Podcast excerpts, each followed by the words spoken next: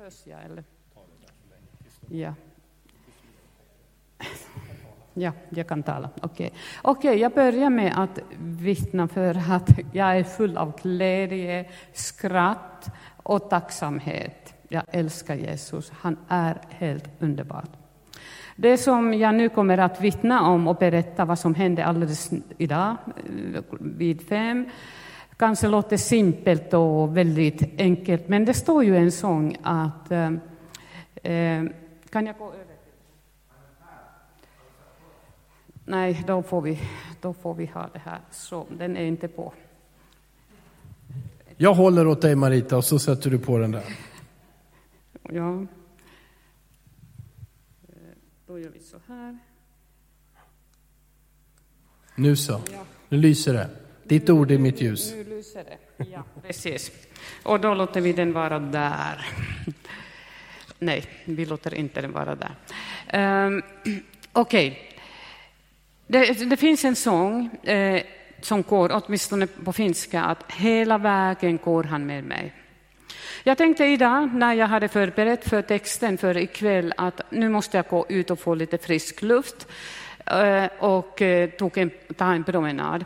Och jag gick mot Lundby och sen där, när jag gick, fick jag så, rätt så våldsam smärta i mitt vänstra ben. Det har haft det här problemet tidigare också och det gjorde ont. Inte våldsamt ont, men det gjorde rejält ont. Ett tag tänkte jag att jag börjar gråta, det gör så ont. Sen tänkte jag, ska jag ringa, vem ska jag ringa och be att komma och hämta mig för att det här gör ont?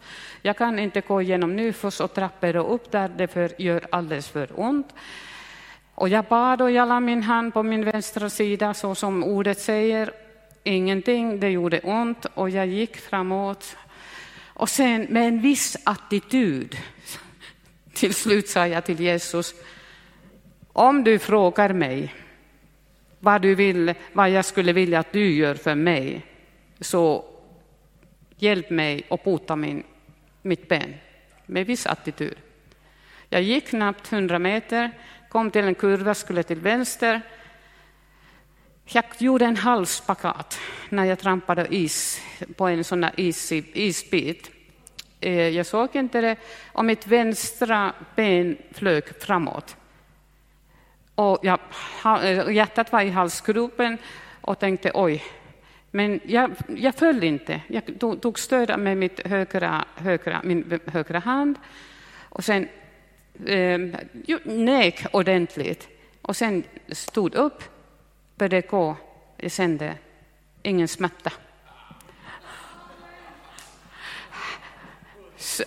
det står många olika lite speciella bönesvar i Gamla testamentet och Jesus spottade och smorde ögon. Han hjälpte mig på det här sättet.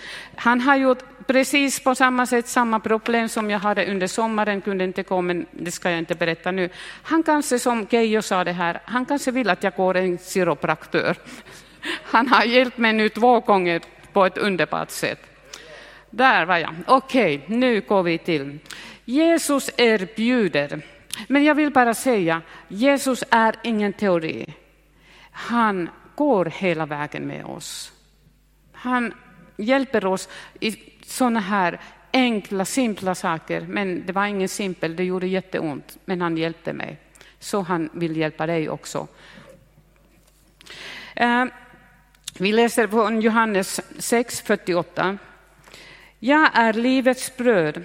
Era fäder åt mannat, mannat i öknen och de dog. Här, brödet, Eh, här är brödet som kommer ner från himlen för att man ska äta av det och inte dö.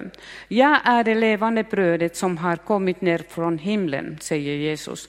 Den som äter av det brödet ska leva i evighet och brödet som jag ger är mitt kött för att världen ska leva. Och sen lite längre fram, 55. Mitt kött är verklig mat och mitt blod är verklig dryck. Den som äter mitt kött och dricker mitt blod förblir i mig och jag i honom. 58. Det, detta är brödet som har kommit ner från himlen, inte som det bröd fäderna åt och sedan dog. Den som är, äter det här brödet ska leva i evighet. Här var alltså judar och skriftlärda och ledare som lyssnade på honom. Hans lärjungar, större skara av lärjungar, många människor som lyssnade. Och direkt när han sa de här orden om att äta blod, hans blod eller dricka hans blod och äta köttet började de tvista eh, med och fråga, eh, tvista med varandra och säga hur kan han ge oss sitt kött att äta? De frågade inte Jesus om förklaring. De krälade med varandra med sina åsikter. Och detta är ju, och kan vara beskrivande för alla teologiska stridigheter. Man frågar inte Jesus i all ödmjukhet, Herre led oss, visa oss vägen. Man strider med varandra på mänsklig nivå. Jesus talade först om eh, ökenvandringen där de åt manna och ändå eh, dog de en fysisk död. Men resten av det här beskriver han om det andliga livet, den andliga döden. Man dör om man inte äter Jesu blod, eh, sött och dricker hans blod. Givetvis menar han inte att vi ska fysiskt äta. Det är en bild, en symbol om honom, hur vi måste dela vårt liv, äta honom genom ordet och eh, ha gemenskap och följa honom. Han menade detta, givetvis inte att äta fysiskt. Han, han presenterar sig själv som det andliga brödet från himmelen som ger en tillfredsställelse och evigt liv som vill ta emot hans ord och äta dem. I Särnbibeln säger man, eh, Johannes 1 och 14, så här om Jesus. Nu blev ordet en mänsklig varelse. Sött, tog sig mänsklig natur och bodde, hade en tillfällig boning, tältare bland oss. Och vi såg hans härlighet, ära, majestät, den härlighet som en fars ende son har, full av nåd, oförtjänt favör och sanning. Detta person, ordet som är ordet, Guds son, som hade kommit från evigheten i mänsklig varelse, mötte skriftlärda, fariséerna, andliga ledare. Han sade, jag är livets bröd. Hans ord var ande och liv. När jag tänker att de stod här, de måste ha sänt, de måste ha sett hur hans gestalt var inte en vanlig människa. Att det fanns någonting mer utöver än det vanliga. Men ändå valde de att inte ta emot hans ord. Han fortsätter ju undervisningen, men jag hoppar över det för att inte tala allt för länge här. Men när vi läser vers 60. Många av hans lärjungar som hörde hans tal, det här är en svår tanke. Vem står ut med att höra den? Och 66. Efter detta drog sig många av hans Jesu lärjungar undan och slutade vandra med honom. Hans tal för dem var för mycket. De tog anstöt, de ville inte fortsätta att följa Jesus. De gick och lämnade honom som erbjöd evigt liv. Han stämde inte i bilden som de människorna, ledarna, ville ha av Gud, lärjungarna som följde honom. Han stämde inte i bilden som de ville ha. Deras själviskhet, egna intressen förhindrade att ta emot sanningens, nådens, kärlekens ord av Jesus. Judarna, skriftlärda, hade sina traditioner, människoregler, mängder med människoregler som vägde tyngre än Jesu ord för dem. Och när vi tänker det här att man förkastar ordet, livets bröd, Jesus Kristus som stod framför sig, ordet i detta bok som är så levande när man läser detta. När man bara läser så strålar det livet som finns i Jesus och genom dessa ord till oss idag. För dem var ära och människors uppskattning viktigare än Jesu ord. De ville hellre ha vara politiskt korrekta än att följa Jesus. De ville hellre ha ära och godkännande av människor än att följa Jesu ord. De formade tron efter sitt eget tycke, ej efter Jesu ord. De tog anstöt, tyckte att det var för hårda ord. Men det står ju självklart att om det inte finns en sanning behövs en nåd och omvändelse. Hur håller vi oss till Jesu ord, Guds ord idag? Får Jesu ord vara våra vägledare? Vågar vi hantera dagens, samhällets frågor idag, bemöta dem efter Jesu ord? Eh, igår kväll fick vi lyssna på nyheter hur eh, när man agerade mot skapelsen genom hormonbehandlingar. Hur man, den skapade reagerade med fysiska män efter behandlingen. När man börjar gå mot det skapade och skapelsen far man ju illa. Personer far illa. Hur är det, vågar vi hantera dagens frågor efter Jesu ord? Eller väjer vi, väjer vi när människor, åsikter eller olika ideologier personer, personerar ut sitt budskap?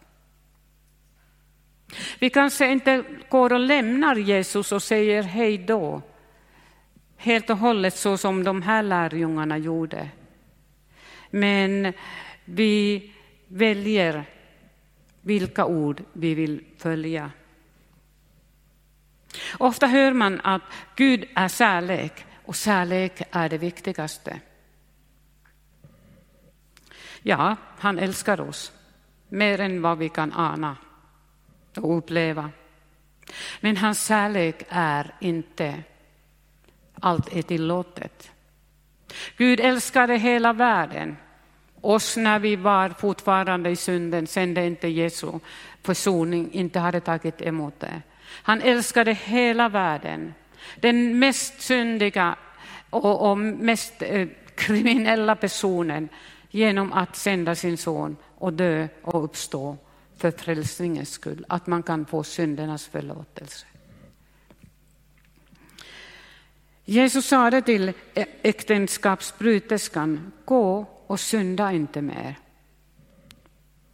Hon fick i Jesu ord, när Jesus mötte honom, när de skriftlärda kom och sade Mose lag säger att vi ska stena en sån här som har gjort detta. Men i Jesu ord fick hon nåd, förlåtelse, kärleksfull omsorg, men också vägledning. Gå och synda inte mer. Vilken förälder tillåter eller ger sitt godkännande för destruktiva och skadande saker för deras älskade barn? Om man nu kan försöka förhindra tonåringar och äldre barn så gör man ju det sitt bästa för att varna och förklara att en annan väg, andra val är bättre. Gud är ju vår fader genom skapelse. Gud är vår fader och han vet de bästa instruktioner för våra liv. Frågan är om vi ber om hans vägledning, om vi ber att det får råda i samhället som vi nu spar för hela Sverige.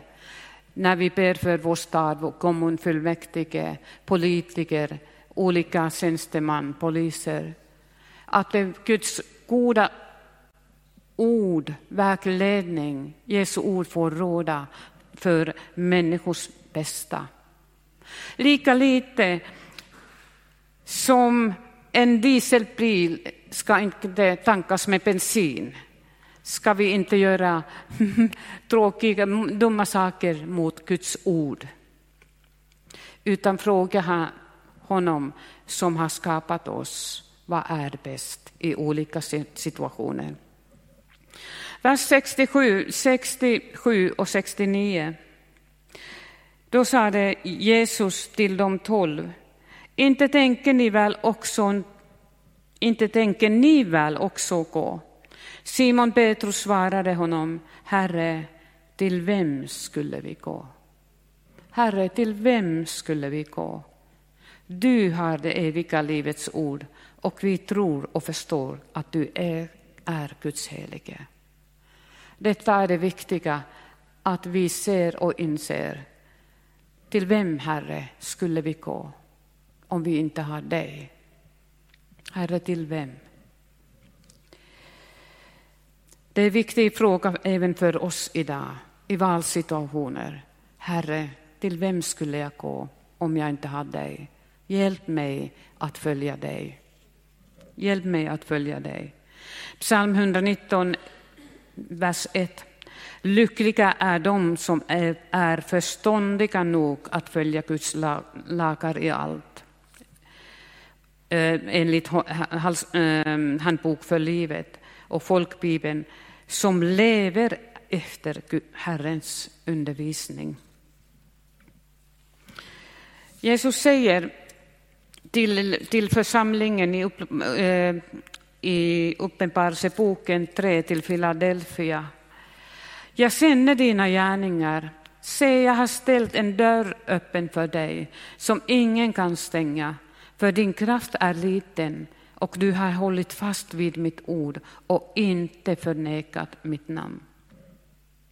Församlingen Philadelphia var en liten församling med låg status och utan inflytande. Men det viktiga, det viktiga var de hade varit trogna, de hade varit, man hade varit trogen Jesus och han var nöjd med dem. Det är trofasthet, trofastheten som räknas, trofastheten till Jesu ord. Dela livet med honom, följa efter honom. Följa efter hans ord, även om det går emot allt det andra som sägs runt omkring oss. Alltid prio ett är vad Jesus säger, vad Gud säger i sitt ord. Det är trofasthet som betyder mest för Jesus. Det är inte bara det, bara det att vi uträttar stora ting, jättestora ting för honom. Det vill vi också. Vi vill vara med och, och tjäna Gud och Jesus Kristus och uträtta eh, stora saker med hans hjälp och helige Andens hjälp. Men ändå i grunden, det viktiga är hur vi är, vilka vi är. Vi ska ha stora drömmar för Guds rike. Vi ska ha stora drömmar om att göra Jesus eh, sänd i Eskilstuna, Södermanland, i Sverige, utöver hela världen. Göra honom sänd för människor, att de har någon att ta, ta tag i när man går över floden ensam. Att man kan få den trösten att Jesus är där. Och sista stund kan jag ropa Jesus, hjälp mig. Mannen, eh, brottslingen vid Jesus sida på korset, den ene sa det till honom. Herre, kom ihåg mig i, i ditt paradis. Och Jesus sa det, idag ska vi vara där, du och jag. Mer behövs det inte att Jesus hjälp mig. Och det tragiska är att det finns bara en enda person, nu börjar jag predika evangelium här. Det tragiska är att det finns bara en enda person som kan stopp, säger, sätta stopp till Guds hjälp och välsignelse, Jesu hjälp och välsignelse. Och det är den människan som säger nej, jag vill inte. Vilket ansvar har vi när vi har valfriheten att välja. Låt oss be. Jag skulle vilja att vi ber att vi är trofasta, att vi som individer är trofasta, som en församling att vi är trofasta, att vi hör vad den helige Ande säger till sin församling, till dig och till mig. Och som ett ord från Jesu hjärta, Uppenbarelseboken 3 och 11. Jag kommer snart.